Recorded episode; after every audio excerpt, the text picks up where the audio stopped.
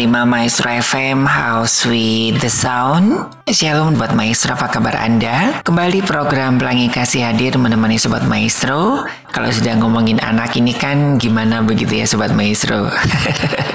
Kadang-kadang nih ya melihat anak-anak kita melakukan kesalahan-kesalahan tanpa sadar terceplos begitu ya kita tidak bisa mengendalikan emosi sehingga kita marah.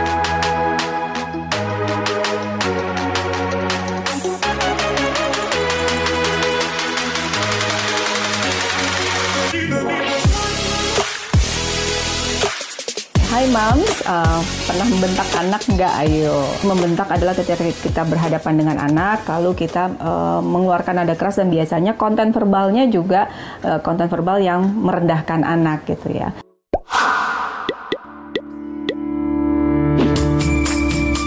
Untuk ke depannya ya, dia jadi lebih tertekan. Mungkin juga ada faktor yang bikin dia besarnya, pengaruhnya ke inner child juga. Uh, ke emosional sih soalnya anaknya bisa jadi nggak percaya diri terus takut ngapa-ngapain. Jadi mereka nggak bisa mengekspresikan diri sendiri. Di satu hal yang mendasar adalah membentak itu tidak ada gunanya kalau saya bilang karena satu anak e, tidak paham maksud dari membentak itu apa. Yang anak rasakan adalah sakitnya. Oh dia malah terpancing emosinya justru, malah jadi tambah marah, malah jadi tambah tantrum gitu ya. Jadi sebisa mungkin ya hindari membentak karena memang tidak ada e, manfaatnya dan juga akan melelahkan buat mam sendiri karena ketika membentak kan energi kita lebih besar keluarnya gitu ya dan di satu sisi lain juga uh, membentak ini juga akan merusak hubungan antara orang tua dan anak. Uh, anak timbul takut gitu ya, rasa takut, rasa cemas ketika berdekatan dengan kita gitu ya. Jadi hubungannya kurang hangat lagi, kurang dekat lagi dengan anak. Dan ketika dia takut, dia akan menutup dirinya sehingga apa yang kita maksudkan dengan membentak tadi tidak akan sampai. Jadi harapan kita anak untuk mengubah perilakunya juga tidak akan sampai karena anak sudah uh, menutup diri karena rasa takutnya tadi gitu ya. Dan ini juga menimbulkan uh, kecemasan pada anak sehingga anak mungkin jadi takut mencoba sesuatu gitu ya. Kalau ada apa-apa dia juga jadinya takut bilang gitu kepada orang tua. Nah, bagaimana caranya mengungkapkan rasa marah kita atau kesal kita kepada anak? Ya, moms perlu melatih diri untuk mengungkapkannya dengan nada yang uh, tidak perlu membentak gitu ya. Jadi cukup ucapkan misalnya uh, bunda marah gitu ya, bunda tidak suka. Seperti itu anak juga mudah lebih mengerti daripada uh, dibentak ya, moms.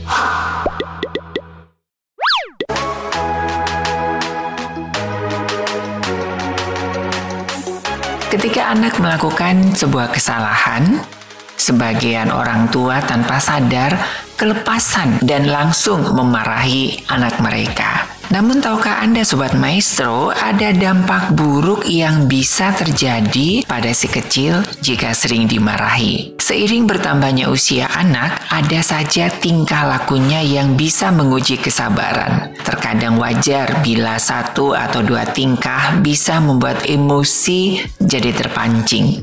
Apalagi jika sekecil tidak bisa dinasehati dengan baik. Akan tetapi Sobat Maestro perlu diingat bahwa memarahi, meneriaki, atau mungkin mengumpat anak bukanlah solusi yang tepat. Bahkan kalimat dari orang tua yang tidak disangka akan menyakitkan untuknya bisa berdampak buruk pada diri anak. Alih-alih memahami maksud nasihat orang tuanya, anak malah bisa mengalami trauma psikis yang dapat mengganggu perkembangan mental dan kecerdasannya. Saya sudah merangkum dari berbagai sumber dari YouTube channel. Semoga ini juga bisa menjadi inspirasi dan juga pembelajaran bagi kita para orang tua ketika hendak memarahi anak-anak kita.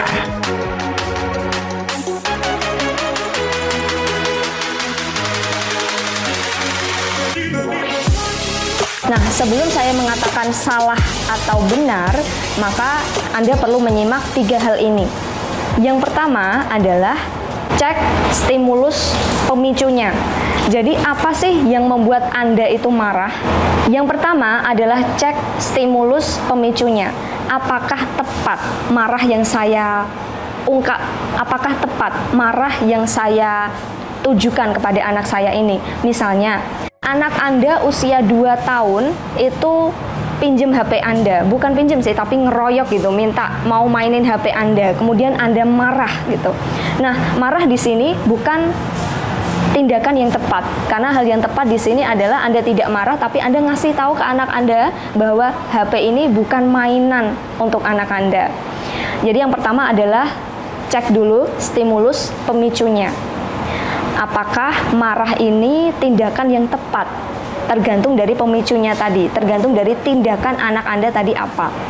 Yang kedua adalah cek rasa marah Anda. Penyebabnya itu apa?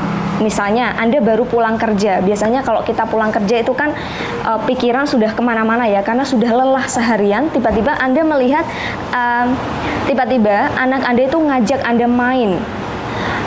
Uh, dia maksa Anda untuk main, padahal saat itu Anda sedang lelah sekali, Anda sedang lelah luar biasa.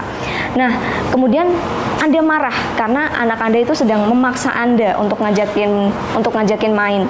Nah, marah di sini anda sebenarnya tidak marah karena anak Anda ngajak Anda main. Anda marah karena Anda sedang lelah. Jadi yang kedua adalah sebelum Anda marah, perhatikan juga apa sih yang membuat Anda sedang jengkel, apa yang membuat Anda itu kesal. Jadi sumbernya itu apa? Itu harus diperhatikan. Yang ketiga, cek perilaku Anda sebagai tanggapan atas rasa marah Anda itu. Misalnya, anak Anda usia 2 tahun itu lagi main uh, apa ya? Lagi main bedak-bedakan, lagi main kosmetik Anda itu dipakai buat mainan, bukan hanya bedak tapi juga lipstick sampai itu rusak semua. Bedak Anda pecah dan lain sebagainya. Kemudian Anda marah.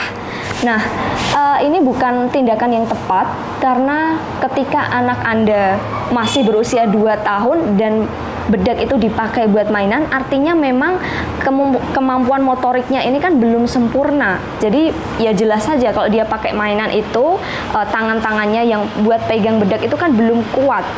Jadi akhirnya mudah pecah lah barang yang dia pegang itu. Di sini tanggapan anda lah yang kurang tepat sebenarnya. Jadi apakah marah kepada anak itu salah? Cek dulu tiga hal itu tadi. Yang pertama, stimulus pemicunya. Yang kedua adalah penyebab Anda marah, penyebab Anda jengkel itu sebenarnya apa? Apakah anak Anda atau datang dari diri Anda sendiri? Kemudian yang ketiga adalah cek perilaku, perhatikan tanggapan Anda. Tanggapan saya ini sudah benar atau belum? Jadi sebelum marah, perhatikan dulu tiga hal itu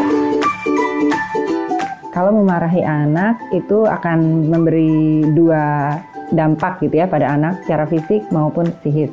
Yang secara fisik itu akan mempengaruhi kerja otak anak. Yang secara mental atau psikis itu anak akan jadi anak yang peragu, anak yang takut-takut.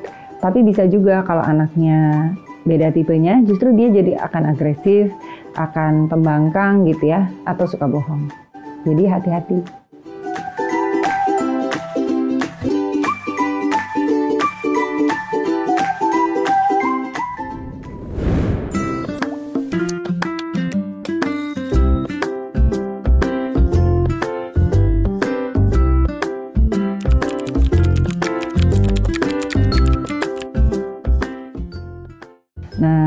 Kalau kita marahi anak tuh efeknya bisa dua ke anak-anak.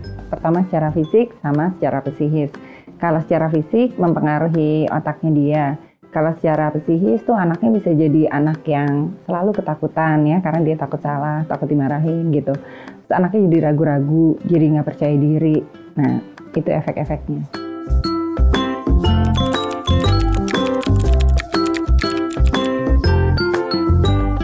Secara fisik dia bisa mempengaruhi otak. Jadi ketika anak ketakutan karena dimarahin gitu ya, itu keluar uh, hormon kortisol. Nah, si hormon ini itu kerjanya memutuskan neuron-neuron. Sementara si neuron ini terjadi ketika dia belajar. Jadi kebayangkan ya kalau kita marahin anak, muncul si hormon itu, neuron-neuronnya putus, si anaknya jadi ya pasti kalau dia belajar jadi susah gitu ya, konsentrasi susah. Terus dia menerima informasi baru juga keganggu. Kemudian uh, lambat ya, jadi lambat belajarnya. Nah, selain dia memutuskan si hormon ini selain memutuskan si neuron, si hormon ini juga bisa mempercepat kematian daripada si sel-sel itu gitu. Jadi sayang banget.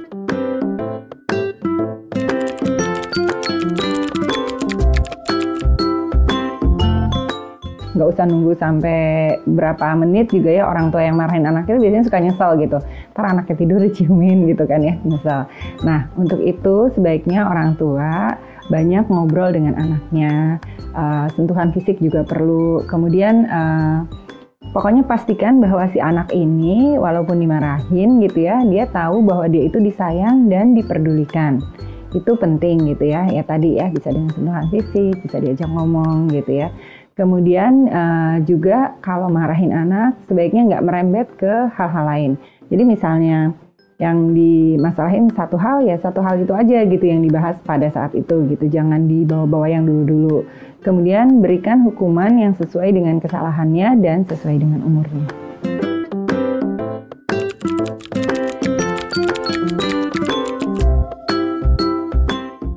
Oke, yang pertama ya harus konsisten.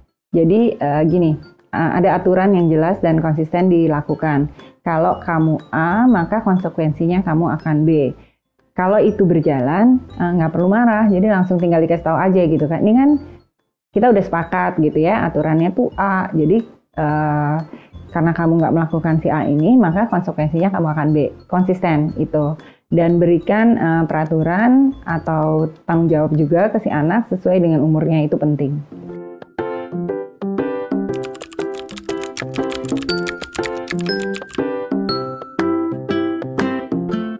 Mereka yang keluarga yang tinggal keluarga inti, artinya si suami istri atau ayah ibu dengan anak, uh, akan lebih mudah karena kesepakatan suatu peraturan itu kan cuma antara ibu ibu bapak gitu ya, antara orang tua ini lebih mudah gitu. Nah, kalau masalahnya kalau tinggalnya dengan keluarga besar gitu ya, masih tinggal dengan keluarga asal atau berdekatan atau sering ketemu gitu ya. Kadang-kadang kan orang tua bilang ini nggak boleh gitu, tapi kata nenek kakeknya udah kasih aja nggak apa-apa gitu kan ya. Nah ini yang sering jadi perdebatan. Nah sebaiknya memang kalau hal ini yang terjadi orang tua ngomong dulu sama keluarga besarnya gitu ya. Ini peraturannya anak saya bla bla bla bla gitu ya. Jadi semuanya harus lewat saya misalnya gitu. Kalau mau ngasih hukuman, kalau apa harus sama saya. Cuman kan tetap aja biasanya suka ada aja tuh lolos ya. Eh, permen lah apalah gitu ya dikasih sama nenek kakeknya. Ya orang tua juga jangan terlalu kaku lah gitu. Jadi udah disiapin tuh ke anaknya juga bahwa misalnya kalau kamu ketemu kakek nenek kamu, kamu akan dapat ekstra permen misalnya gitu. Jadi anak juga tahu bahwa sebenarnya peraturan itu tetap ada, cuman ini anggaplah misalnya liburan atau bonus-bonus apa gitu. Jadi lebih fleksibel sedikit juga. Shine bright like a diamond. Shine bright like a diamond.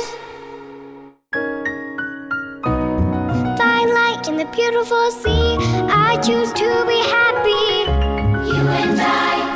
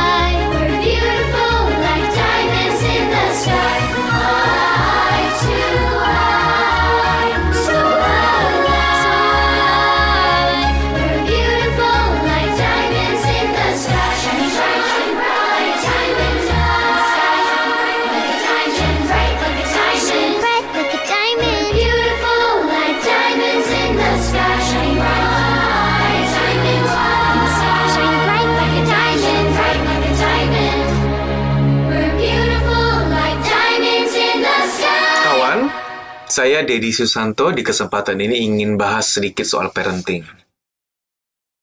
Mengenai akibat fatal bila kita memarahi anak berlebihan.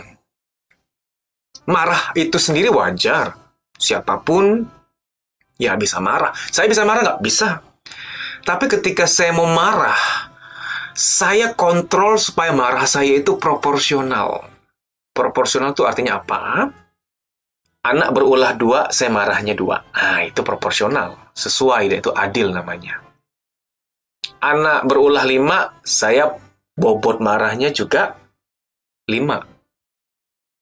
Nah, jadi apa namanya proporsional, adil.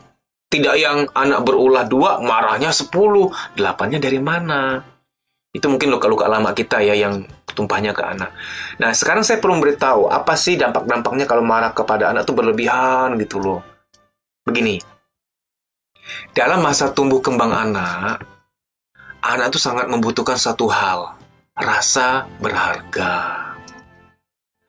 Kalau kita sering marah anak kita, rasa berharganya dia itu ngedrop, turun rasa berharganya. Dia mempertanyakan keberhargaan dirinya. Karena ketika dia dimarahin oleh orang tuanya berlebihan, di batin terdalam dia ada self-talk yang mengatakan begini. Papa atau mama masih sayang aku nggak ya? Tapi kalau masih sayang kok marahnya segitunya? Dia mempertanyakan kasih sayang mamanya atau papanya kepadanya. Jadi wahai orang tua tolong diingat ketika engkau marahin anakmu, di batin terdalamnya ada pertanyaan seperti itu. Kasihan dia. Ini kalau nggak terjawab, akan terjadi apa? Dia yang akan jawab sendiri. Ya, mama papa udah nggak sayang. Ini bahaya kalau dia udah jawab sendiri. Rasa berharga ketika drop, nah itu dia. Anak bisa jadi tidak percaya diri, tidak punya semangat belajar, hubungan sosialnya juga tidak baik. Ini saya agak mendalam sedikit ya. Kekecewaan seorang anak pada orang tua ini kok nggak disembuhin akan membuat dia akhirnya kecewa pada dirinya sendiri. Kenapa sih dia tuh tanda petik gagal menjadi anak yang baik, kecewa pada diri sendiri. Kalau sudah tahapan di sini, Anda juga sudah hati-hati loh. Karena ujung-ujungnya dia akan kecewa sama Tuhan. Tuhan, kok kayaknya Tuhan nggak sayang aku? Kayak emang Tuhan sayang aku, kenapa aku harus ditempatkan di keluarga seperti ini? Aku itu dimarahin gitu. Kenapa harus aku yang ngalamin ini? Kenapa nggak orang lain aja? Kenapa kok kayaknya lihat anak orang lain tuh kayaknya bahagia kok aku kok kayaknya enggak? Tuhan kok nggak adil? Tuhan kok nggak sayang aku? Apalagi ada anak yang mungkin mungkin ya sudah bilang begini, aku padahal doain bapak mama biar sabar kok Tuhan nggak jawab. Kan gitu. Ya kita nggak bisa berharap anak-anak bijaksana kan masih kecil, namanya juga anak kecil. Kecewa pada orang lain, kecewa pada diri sendiri, merasa gagal nggak bisa jadi orang yang baik menurut versi orang lain bagi dia. Lalu kecewa sama Tuhan. Karena gini loh, ada seseorang ayah dia marahin anaknya karena nggak melakukan ritual ibadah sesuai yang diharapkan. Dimarahin, kamu disuruh sembahyang aja susah. Dimarahin. Berikut-berikutnya, dia udah nggak dekat sama ayahnya. Dan yang terjadi adalah, kalaupun kelihatan sembahyang atau ibadah, itu sangat nggak menjiwai ala kadarnya. Karena gini loh, bagaimana kita bisa membawa anak kita mendekat sama Tuhan kalau anak kita ini tidak merasakan Tuhan dalam diri kita? Nah, gitu loh maksud saya. Saya ya, kalau jadi anak demikian, saya akan berkata, Papa, Mama, suruh aku mendekat sama Tuhan. Aku aja Papa Mama memarahin kok. Papa Mama yang peduli sama perasaanku. Orang anak kecil ya, kita nggak bicara orang dewasa. Anak kecil itu susah untuk uh, kita ajar untuk mendekat sama Tuhan. Kalau di di, di keluarganya aja, di rumahnya aja dia nggak merasakan Tuhan gitu loh. Papa mamanya dia persepsikan sebagai hakim, sebagai polisi. Parenting itu gagal, ke orang tuaan itu gagal kalau anak mempersepsikan engkau hakim. Anak mempersepsikan engkau polisi. Itu gagal loh itu. Parenting akan berhasil kalau anak mempersepsikan engkau adalah ayahnya, ibunya. Engkau tuh ibu, engkau tuh ayah, engkau tuh bukan hakim, bukan polisi. Kau memang polisi, di peranmu sebagai profesi, polisi kau di luar. Di luar kau polisi, di rumah kau jadi ayah. Jangan bawa polisimu ke rumah. Walaupun kau seorang hakim, seorang pengacara, itu di luar. Di rumah engkau seorang ibu, seorang ayah, gitu. Mengapa anak kok banyak yang ke sosial media, curhat di sosial media? Karena untuk curhat di rumah takut dimarahin.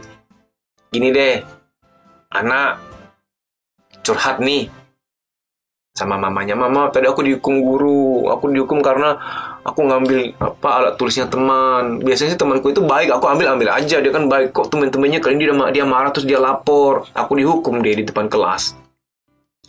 Nah kalau kita nggak sabar kan, kalau kita sebagai hakim, sebagai polisi kan, kamu yang bikin malu aja. Kalau nggak ada bilang, mami beliin. Nah, pikir bodoh aja deh. Anak kalau curhat anda marah gitu, dia mau curhat lagi nggak? Coba. Jangan anak-anak. Saya aja kalau curhat sama seseorang, habis curhat malah saya di judge. Kamu dia, kamu yang salah tuh hati-hati kau. Mana ada saya mau curhat sama dia lagi? Nggak mungkin. Kita loh itu, apalagi anak kecil anak kalau kalau udah curhat di sosial media menyatakan perasaan sedihnya kecewanya itu ada yang nggak beres sama orang tua lo mohon maaf mendingan saya belak belakan dan anda tersinggung kadang-kadang tersinggung tuh baik biar berubah gitu loh kan kalau saya selalu baik-baikin nggak apa-apa nggak apa-apa marah nggak apa-apa. Ya itu malah saya nggak amanah akhirnya. Anak kalau sampai curhat di Facebook di Instagram di Twitter apalagi status WhatsAppnya status BBM-nya aku lagi sedih nih lagi bete. Itu itu parentingnya gagal. Ada sesuatu yang nggak beres. Anak anak berarti merasa tidak aman di rumah. Dia tidak merasa aman bersama orang tuanya. Jadi kalau anda curhat walaupun pahit kenyataannya dengerin sebagai sahabat kalaupun mau mengomentari nanti besok besok anda denger tok jadi sahabat gitu ya jangan lekas marah makin anda marah percayalah anak makin jauh nggak ada anak yang makin anda marah makin deket nggak ada nggak ada jangan harap Tolong ingat ini seumur hidup. Anak semakin kau makin jauh dia secara batin. Pulang-pulang, fisik dekat, hatinya jauh. Ketika orang tua nggak punya kendali lagi pada anak, itu menurut saya itu sebuah tragedi. Bahkan ya, ada seorang remaja putri, dia itu pernah dilecehkan seksual oleh pamannya dan pamannya ngancam nggak boleh kasih tahu siapa-siapa. Orang tuanya nggak tahu sama sekali mengenai ini. Tapi kami tahu karena dia mau curhat, dia curhat sama sama kami. Om yang ini jangan kasih tahu siapa-siapa ya, papa mama aja nggak tahu. Aku tuh sebenarnya pernah dilecehkan oleh pamanku gitu. Bayangin ya, papa mama nggak tahu big secret ini. Rahasia ini papa mamanya nggak tahu, tapi yang tahu saya sebagai orang lain. Kenapa? Mungkin waktu sama saya dia itu dia feel safe gitu untuk cerita karena dia tahu omnya ini bukan polisi, omnya ini bukan hakim yang yang ngejudge gitu loh. Saya nggak mau ada salah paham ya. Polisi dan hakim itu tugas yang mulia, tapi itu tugas untuk masyarakat. Untuk fungsi-fungsi sosial. Di rumah, kita adalah ayah dan ibu. Ya jangan sampai salah paham ya. Kita sangat butuh polisi dan hakim di luar. Untuk masyarakat, untuk fungsi sosial.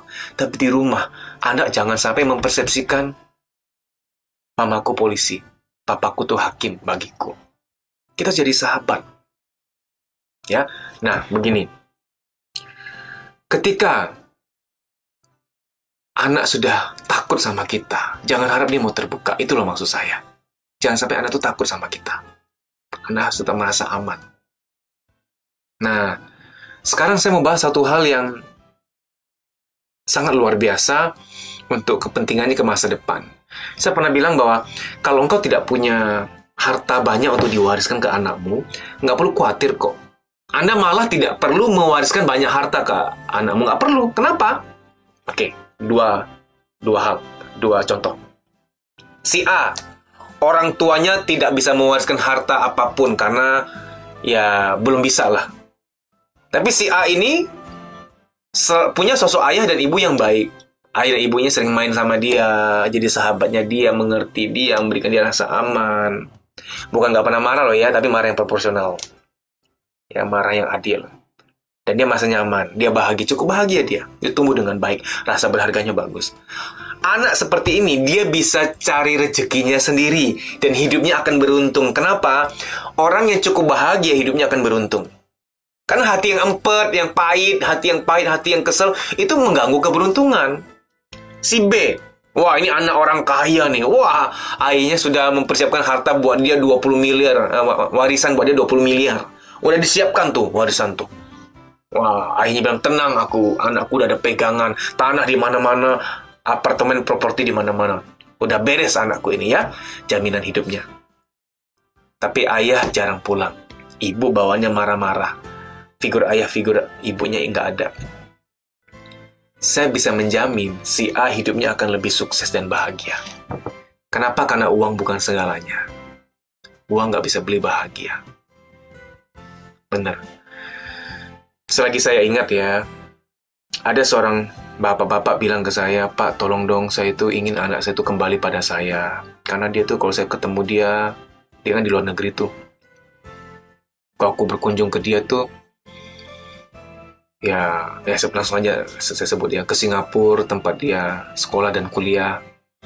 Saya kalau ngunjungin dia, dia tuh cuek banget sama saya. Padahal dulu tuh Pak, waktu kecil anak-anak paling deket sama aku tuh kalau aku pulang dari mana-mana langsung papi gitu peluk lah gitu.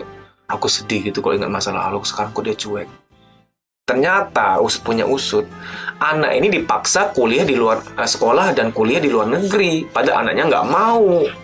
Mungkin ya anaknya mempersepsikan dirinya dibuang dari kemelekatan kasih sayang orang tua.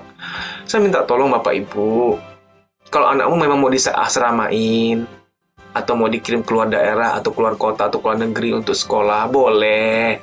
Tapi kalau bisa pas kuliah aja.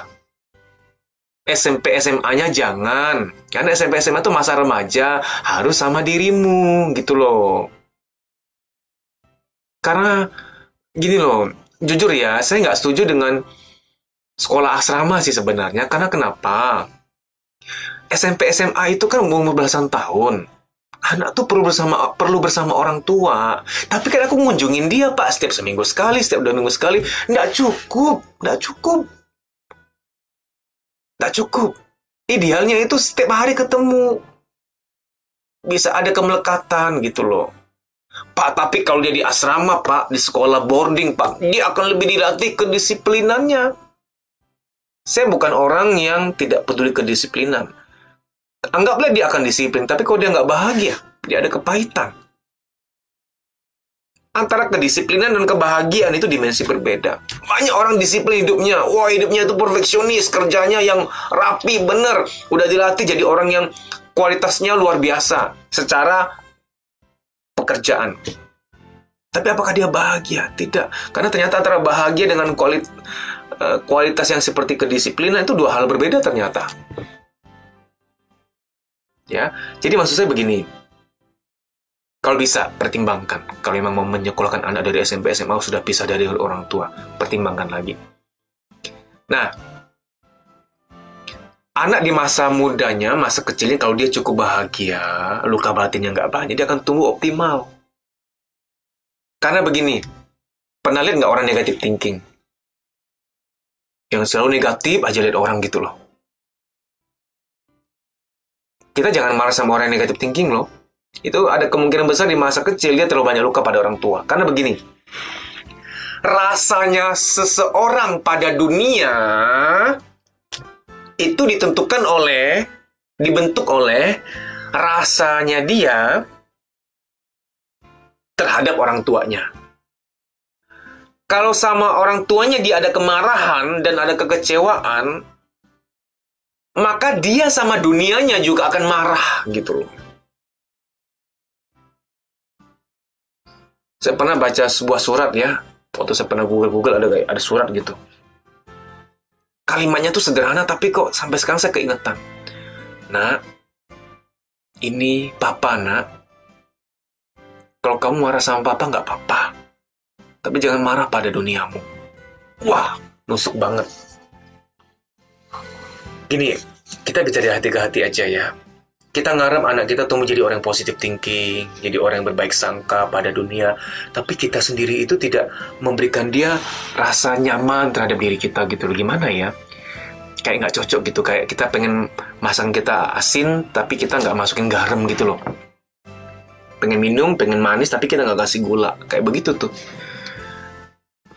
prasangka seorang anak pada dunia itu ditentukan oleh prasangkanya pada orang tuanya. if he or she feel good about you, he or she will feel good also about his or her work. Kalau dia merasa nyaman, merasa sangat nyaman tentang engkau, dia juga akan merasa sangat nyaman pada dunianya. Aneh terlalu banyak luka batin, selalu terlalu dibentak, dimarahi di masa kecil, ya. Nanti dia tumbuh jadi orang yang pakai kacamata hitam gitu loh. Lihat apa apa gelap aja. Kacamata itu nggak harus ada. Kenapa? Karena dia terlalu banyak luka terlalu banyak trauma di masa kecil. Gelap aja dia apa apa tuh gelap aja gitu loh. Ya. Nah ini yang kita mau hindari terakhir. Luka batin di masa kecil yang terlalu banyak karena kita sering marahin dia nggak adil sama dia sering bentak sama dia urusannya nanti jangka panjang ke relationshipnya dia, hubungan dia kepada keluarganya dia sendiri nanti. Saya sudah banyak menangani kasus-kasus pernikahan ya yang cekcok, yang bertengkar tiap hari gitu, atau yang udah mau cerai dan lain sebagainya. Rata-rata itu karena masing-masing membawa luka lama dari masa kecilnya. Ya, waktu di ke masa kecil ada kemarahan yang terpendam pada ayah atau ibu. Luka-luka ini ternyata dibawa ke pernikahannya. Kok sama istri kalau marah tuh, aduh, tumpah-tumpah gitu loh. Kok sama suami marah tuh, wah gitu. Sampai akhirnya pasangannya nggak betah. Aduh pak, kok gini ya caranya? Kalau aku tahu dia begitu aslinya, aku nggak mau loh nikah sama dia gitu kok dulu nggak kelihatan waktu lagi masa-masa PDKT atau pacaran? Karena namanya juga orang pacaran kan orang jaim bisa gitu. Kalau orang masih cinta mah nggak benar-benar keluar aslinya gitu. Tapi ketika cinta udah pudar asli akan keluar. Saya juga minta tolong bagi anda yang mau menikah ya. Sebelum menikah tolong deh. Saya rasa sah-sah aja lah sama-sama ke konselor atau psikolog untuk diagnosa ya untuk untuk evaluasi. Untuk apa? Bukan evaluasi maksud saya untuk di awal itu uh, tindakan antisipatif lah. Artinya ini sama-sama ada luka batin nggak gitu loh. Kalau ada luka batin terlalu berat ya mungkin diterapi dulu sebelum menikah. Ya. Nah maksud saya begini. Kemarahan kita pada orang tuh ke kemarahan kita pada anak kita yang berlebihan kalau dia ada kepahitan pada kita kalau dia ada luka batin pada kita yang sangat amat ada kemungkinan ya dia ketika berkeluarga nanti dia sama anak juga begitu. Sama pasangan juga begitu.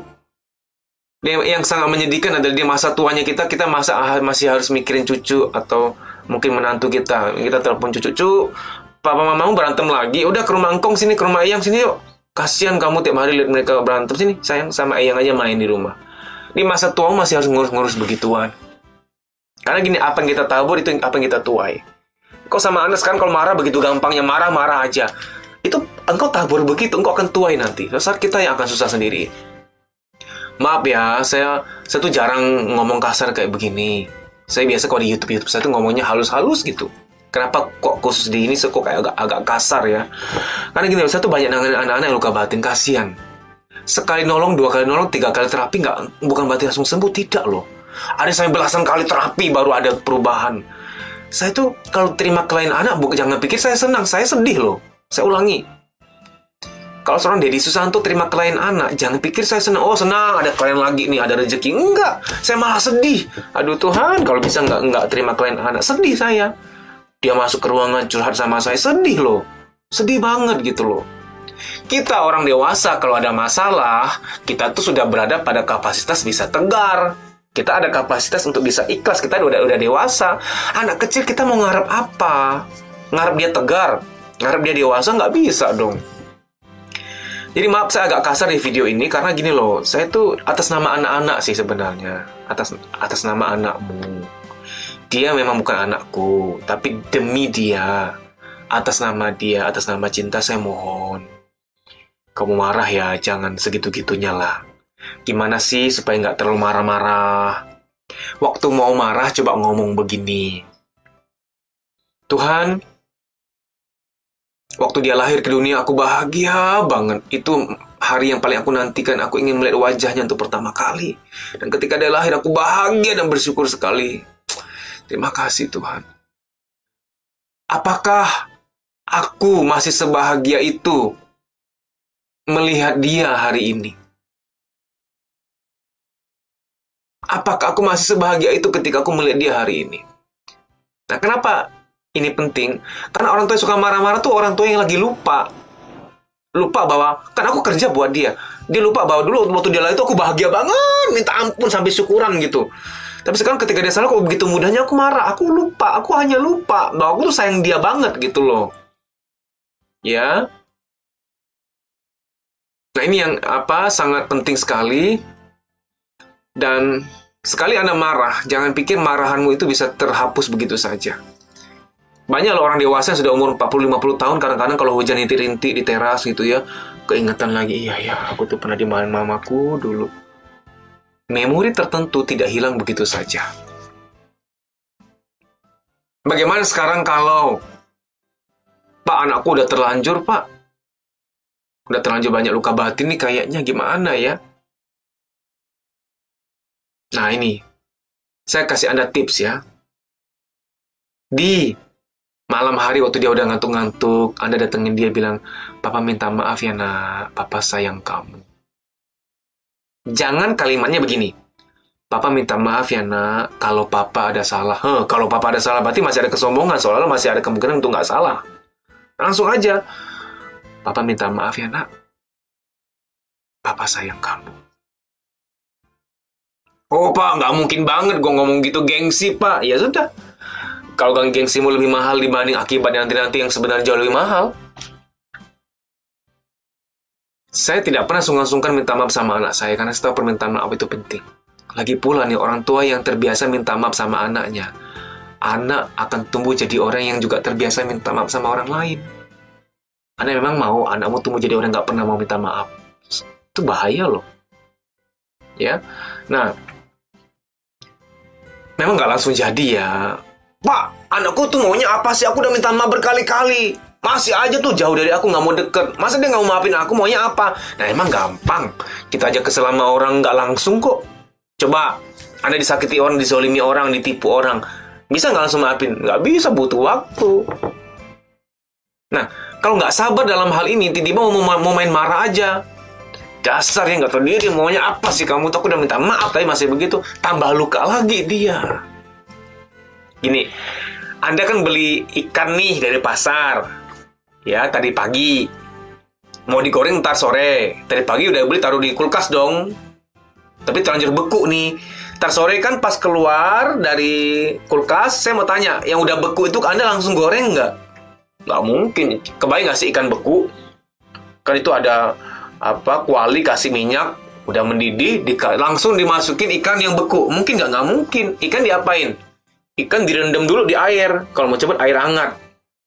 Direndam supaya suhunya yang tadi di bawah 0 derajat Celcius katakanlah misalkan 10 derajat Celcius atau ya 20 derajat Celcius saya nggak tahu dunia seperti itu. Eh, saya nggak tahu maksudnya ikan yang beku itu berapa derajat saya nggak tahu persis minusnya.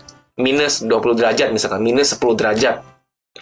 Nah tentu saja itu minus anda rendam air hangat atau air panas supaya dari minus dia ke 0 dulu 0 derajat. Ya nanti ke 10 derajat. Baru ketika udah nggak beku udah nggak dingin anda goreng ya kan? Lagi pula saya pernah tuh buru-buru goreng ikan yang masih agak-agak dingin ya beku gitu saya langsung main paruh aja di kuali hasil dagingnya merah ternyata. Kembung itu pas buka kok, merah-merah begitu ya? Mungkin nggak bener-bener sudah 0 derajat saya sudah goreng. Nah sama seperti itu.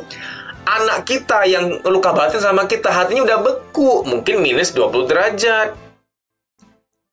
Berilah kehangatan dulu. Minta maaf sama dia. Bilang kau sayang dia. Bilang kau sangat menyayangi dia. Sampai 0 derajat netral dulu. Baru dari 0, 0 derajat baru naik. 20, 30, 40 derajat.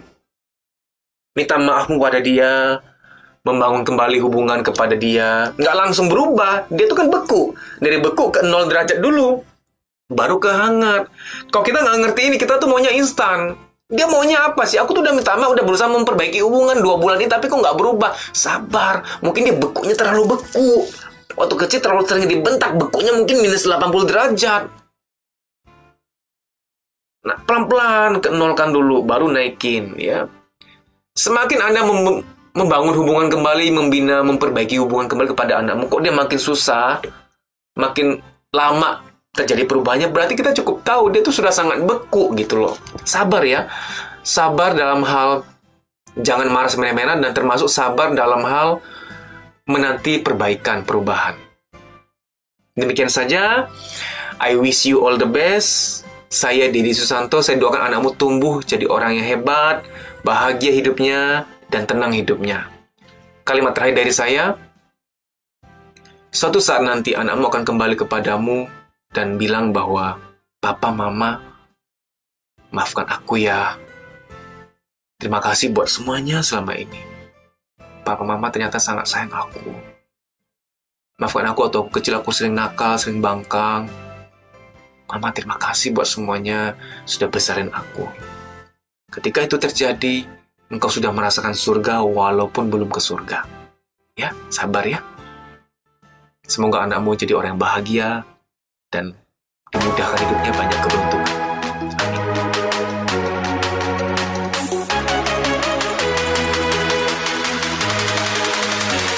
Jadi kalau misalnya memang sudah terlanjur punya label tersebut, um, apa namanya ingin mengubah ya, misalnya uh, orang tua baru menyadari iya ya saya ngapain nih selama ini ngomongin anak saya tuh pemalas ya.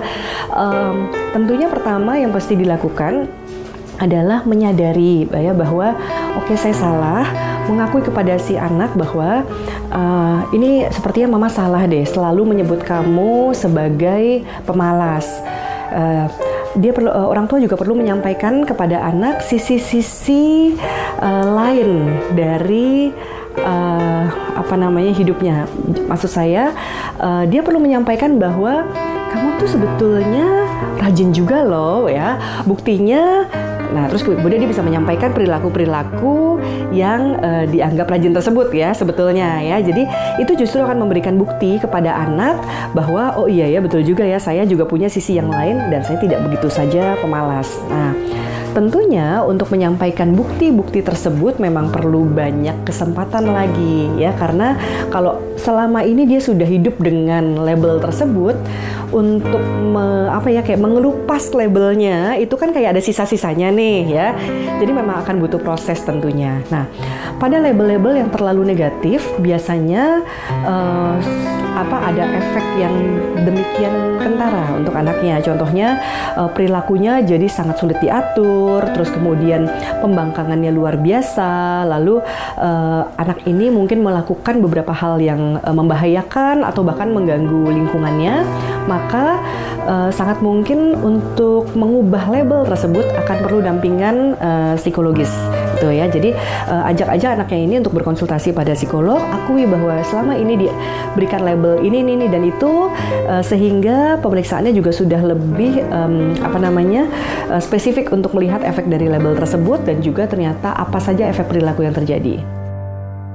92,5 Maestro FM House with the Sound Ya Sobat Maestro Kita sudah mendengarkan dari berbagai sumber ya Tentang dampak daripada ucapan-ucapan kita yang tanpa kontrol ya kemarahan-kemarahan kita kepada anak. Saya mempunyai beberapa tips ya yang saya rangkum juga dari berbagai sumber agar tidak mudah marah pada anak. Yang pertama, Tarik nafas yang dalam, lalu hembuskan dan ulangi beberapa kali. Buatlah diri Anda tenang ketika si kecil melakukan kesalahan. Ingat bahwa kesalahan yang ia lakukan adalah sebuah proses pembelajaran untuknya. Selanjutnya, tanamkan pada diri Anda bahwa memarahi anak bukan solusi dari suatu masalah. Selanjutnya, bila amarah meningkat, Coba cari kegiatan lain terlebih dahulu untuk mengalihkannya, misalnya dengan mendengarkan lagu kesukaan Anda. Lalu, beritahu si kecil apa yang boleh dan tidak boleh ia lakukan dengan tenang namun tegas. Berikan penjelasan yang mudah ia pahami. Dan yang terakhir jangan lupa untuk selalu mempercayai anak dan menghargai anak atas apa yang ia lakukan. Nah, Sobat Maestro dengan mengetahui dampak buruk di balik sering memarahi anak, mulai sekarang kita bisa berlatih untuk mengendalikan emosi ya Sobat Maestro. Memarahi anak sebenarnya bukanlah sesuatu yang sama sekali tidak diperbolehkan. Namun kita harus mengetahui batas untuk mulai marah serta batas untuk berhenti dan menunjukkan kasih sayang pada si kecil. Bila ia melakukan kesalahan, memberikan hukuman ringan boleh saja. Namun, kita juga dianjurkan untuk memberikan hadiah ketika ia melakukan sebuah prestasi atau tindakan yang baik. Cobalah untuk bisa tenang di kala anak membuat keributan kecil. Nah, Sobat Maestro, semoga apa yang sudah kami hadirkan bisa memberikan inspirasi buat kita orang tua agar berhati-hati saat marah kepada anak. Dari Gerah Maestro Jalan Kaca Piring 12 Bandung, saya Ari dan rekan operator mengundurkan diri. Tetap jaga protokol kesehatan dan Tuhan memberkati. Kita akan ketemu lagi di program Pelangi Kasih selanjutnya. Sosok perempuan tidak hanya terletak pada kecantikan paras dan kemolekan tubuh. Mereka dituntut memiliki kualitas diri yang tangguh. Secara kodrati, wanita memang diciptakan tangguh. Tuhan menciptakan wanita itu tangguh karena wanita memegang peran yang penting untuk keindahan dunia ini. Benar kata orang, di balik kesuksesan seorang pria, atau keluarga, termasuk anggota keluarganya, ada wanita tangguh di belakangnya sebagai pendukungnya. Simak perbincangan seputar peran wanita dalam program Pelangi Kasih setiap hari Kamis pukul 11 hanya di 92,5 Maestro FM.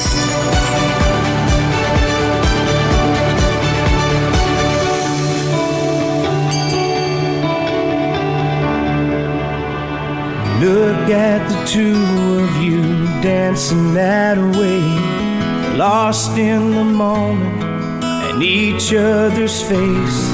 So much in love, you're alone in this place, like there's nobody else in the world. I was enough for her not long ago. I was her number one. She told me so, and she still means the world to me, just so you know. So be careful when you hold my girl. Time changes everything, life must go on. I'm not gonna stand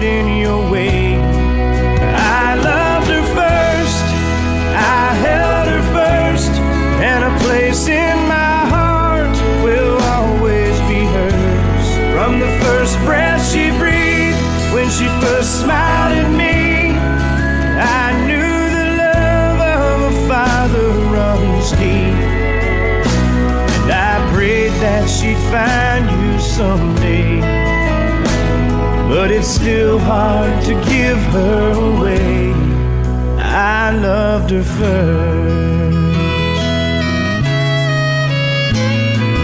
How could that beautiful woman with you be the same freckle faced kid that I knew? One that I read all those fairy tales to tucked into bed all those nights.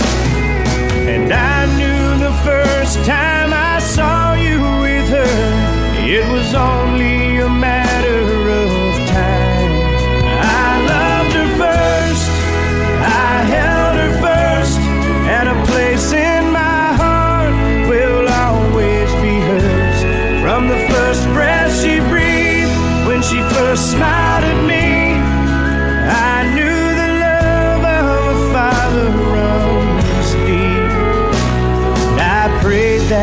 find you someday. But it's still hard to give her away.